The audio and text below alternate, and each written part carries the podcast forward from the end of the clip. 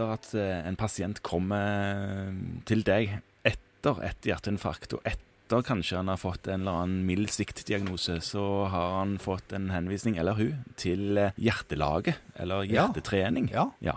Så der er det jo en sånn situasjon hvor man umiddelbart setter alle kluter til og få pasienten ut i fysisk aktivitet. Fordi man tenker at det er helsebringende for denne pasientgruppen å være i fysisk aktivitet og trene. Ja, I tillegg så tenker man veldig fort det òg hos type 2-diabetikeren, som kanskje burde gå ned noen kilo og være mer fysisk aktivitet. For vi vet at økt fysisk aktivitet bedrer insulinsensitiviteten i kroppen. Ja, Så vi har noen tilstander der vi tenker med en gang diagnosen kommer, at fysisk aktivitet og trening er bra for denne pasientgruppen. Ja.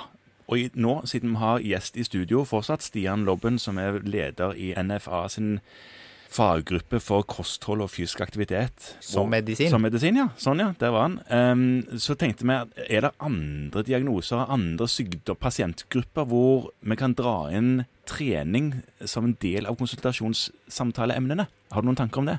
Ja, det har jeg noen tanker om. Det var bra. Så ellers hadde vi vært ferdig. Uh, ja. Jeg snakker om trening og kost for så vidt eh, mange ganger hver dag, og syns jo det er veldig kjekt å ha noe å snakke om de gangene jeg ikke har noe annet eh, fornuftig å tilby, Mm. som jo er ganske ofte. Eh, Hvis du har lyst til å høre om hvilke problemstillinger jeg særlig tenker på, Gjerne. Eh, så er jo det mye Altså muskel-skjelett-problematikk ser vi mye av i løpet av en arbeidsuke. Eh, skuldre, knær, hofter, rygg. eh, Og da er det jo en gyllen mulighet til å snakke om trening. Psykisk helse, angst, depresjon, eh, avhengighet, så har vi god dokumentasjon på at trening er effektiv eh, behandling. Så Hvor, hvor effektiv da i psykisk lidelse, f.eks. depresjon? Depresjon så har eh, både kondisjonstrening og styrketrening gode påvisbare effekter eh, på linje med SSRI. Sånn at jeg, jeg pleier å snakke om tre ulike behandlingsmodaliteter har en pasient med depresjon. At, at vi, vi kan behandle med piller, eller med psykolog eller samtaler, kognitiv terapi, eh, eller trening, eller alle. Kombinere de. Ja, så Det er jo veldig bra. Og Det du nevnte først, med dette med der er det jo òg sånn at man vet at dersom man har vondt i en muskel, eh, da vil det bare bli verre i den muskelen. Vanligvis iallfall om den ikke blir brukt. Inaktivitet jo, gjør jo bare at det blir verre ofte.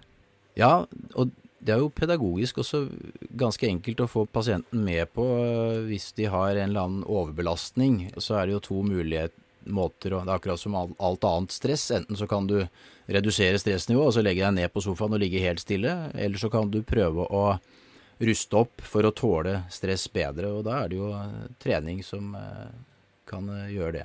Men mange av disse pasientene er jo redde for å trene, for det, det gjør jo vondt. Ja. Da må det jo være farlig. Ja, det har du helt rett i. Og you have to embrace the pain, eh, som det heter. Vi vet jo at uh, det ikke er farlig å ha litt vondt når du trener. Ja. Eh, jeg pleier å operere med en sånn Det er greit å ha vondt på en skala fra 1 til 10, så er det greit å ha 4-5 mens du trener. Så lenge det ikke er vedvarende vondt etterpå, da er det gjerne et tegn på at du kanskje har tatt i for mye. Men, men litt vondt mens du trener er helt ok. Jeg pleier jo å si at det ikke er vondt, det er bare annerledes. Ja, Ja. det er en annen mulighet. Ufarliggjør det litt. Eller så kan du vise bildet av han som første gang løftet fem ganger sin egen kroppsvekt i markløft, som har den største skoliosen du noen gang har sett. Ja vel? It bends, but it doesn't break. ja, Men også så har vi hørt noen historier om at du kan trene deg frisk av kreft. Eller i hvert fall at det er viktig å trene når du har kreft. Ja. Vet, du, vet vi noe om dette? ja, vi vet jo litt om trening både før, under og etter kreft. Eh, før kreft så er det jo i, forebyggende henseende. Så det hjelper å ha trent. Det er mange ulike kreftsykdommer det, som det er mindre sannsynlighet for å få hvis man uh, trener regelmessig. Ja. Og så vet vi at eh, det blir gjort en del forskning på de som er i kreftbehandling, f.eks. cellegiftkurer, uh, som har vesentlig bedre livskvalitet under behandling hvis de trener. Bedre søvn, mer overskudd og har det, har det bedre. Det er klart, Der er det noen ting å være oppmerksom på. Skal, det er ikke lurt å trene tung eh, knebøy hvis du har skjelettmetastaser i ryggsøylen. Altså Du må på en måte Noen ganger så må man tenke seg om hos de pasientene, det kan være lurt. Og, og mange av de føler seg ugne og dårlige, og, og, mange kolleger vil nok kanskje være litt redde for å legge sten til byrden og si at nå burde du vært ute og trent, og så føler de at de ikke orker knapt nok å gå over gulvet. Eh, Ja. Er det da sånn at man må justere treningen etter fysisk kapasitet der og da? Altså Generelt, enten du har kreft eller ikke, så er det jo sjelden vi oppnår så mye med å si at du burde ha gjort det uh, sånn og sånn. Men uh, man kan i hvert fall Jeg skjønner godt hva du mener. Jeg også kvier meg litt for å begynne å snakke om trening når pasienten eh, så vidt eh, går inn på kontoret, men, men å ta det opp og i hvert fall informere om at det er et mulig tiltak for å få det bedre underveis, og høre om det er eh, en eller annen form for motivasjon der, kan jo være greit. Snakker man om det på en grei måte, så, så er det litt sånn her som det med mange andre utrente, at all fysisk aktivitet vil hjelpe. ja. Og her har du gjerne et dårlig utgangspunkt, eh, og da er det veldig lite som skal til. Ja.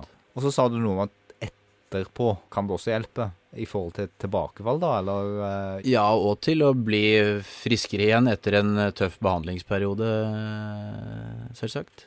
Eh, Mange mister jo mye både muskelmasse og kondisjon i et behandlingsforløp. Så da, hvis vi skal prøve å oppsummere dette her litt, så vet vi at eh, en del livsstilssykdommer som eh, hjerte-kar, diabetes, en del lungesykdommer og sånne ting, de eh, burde helt åpenbart trene, men fysisk aktivitet og trening eh, virker som om den ligger for menneskeheten på en måte, som om det var ment at vi skulle bruke kroppen. Neimen, så rart. Eh, sånn at da kan det være greit å bruke kroppen og i møte med andre sykdommer, muskel- og skjelettlidelser, depresjoner, tungsindighet og kreftsykdommer. Og antagelig alle andre sykdommer og alle andre lidelser og diagnoser som måtte dukke opp. Bruke kroppen, altså. Og det kan være lurt å minne pasientene på at det er lurt. Og seg sjøl òg, kanskje. Og seg sjøl òg, kanskje. Og da er det igjen, som vi har snakket om tidligere, at eh, man trenger ikke nødvendigvis å trene så voldsomt. Men når man trener, må man ha intensitet.